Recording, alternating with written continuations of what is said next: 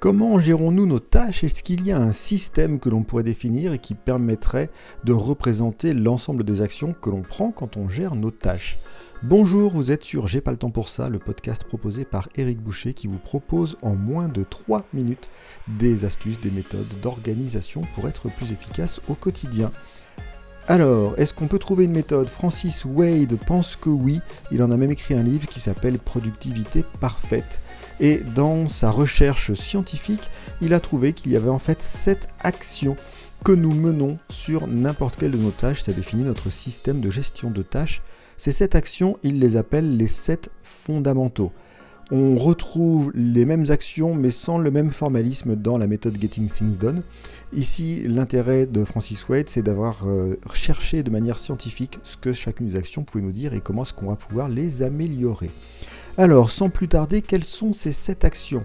La première, qui est la même dans toutes les méthodes et qui est la plus importante, c'est la capture. Comment est-ce que je vais enregistrer les choses que j'ai à faire? Comment est-ce que je vais capturer mes tâches? Sur quel support? Euh, Et comment est-ce que je vais me gérer derrière? Donc la capture, c'est vraiment le tout début, juste comment j'enregistre. Puis une fois que j'ai enregistré, je vais passer à la deuxième étape qui est le vidage. Je reprends mes points de capture, je relis ce qui sont des tâches potentielles et je vais décider ce que j'en fais. Le plus dur, et on en reparle dans un autre épisode, c'est de bien tout vider pour ne rien oublier, puisqu'ensuite je vais appliquer l'une des cinq actions possibles, il n'y en a que cinq sur l'ensemble de mes tâches. Je peux agir maintenant, dans la méthode GTD on dit si ça prend moins de deux minutes, fais-le tout de suite.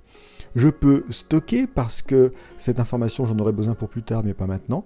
Je peux planifier parce que c'est une action que j'aurai à faire plus tard justement et donc je vais la mettre dans mon calendrier pour ne pas l'oublier et ne pas être en retard. Je peux la mettre dans une liste, ça peut être une to-do list des choses à faire rapidement ou une liste de courses euh, ou différentes listes thématiques suivant ce que j'ai à gérer.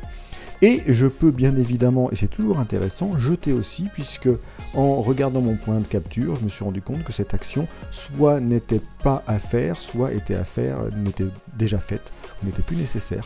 Et donc je vais jeter. Donc, 7 fondamentaux. Le premier, je capture tout ce que j'ai à faire, je le prends quelque part. Point de capture automatique, point de capture manuel. Ensuite, je vide.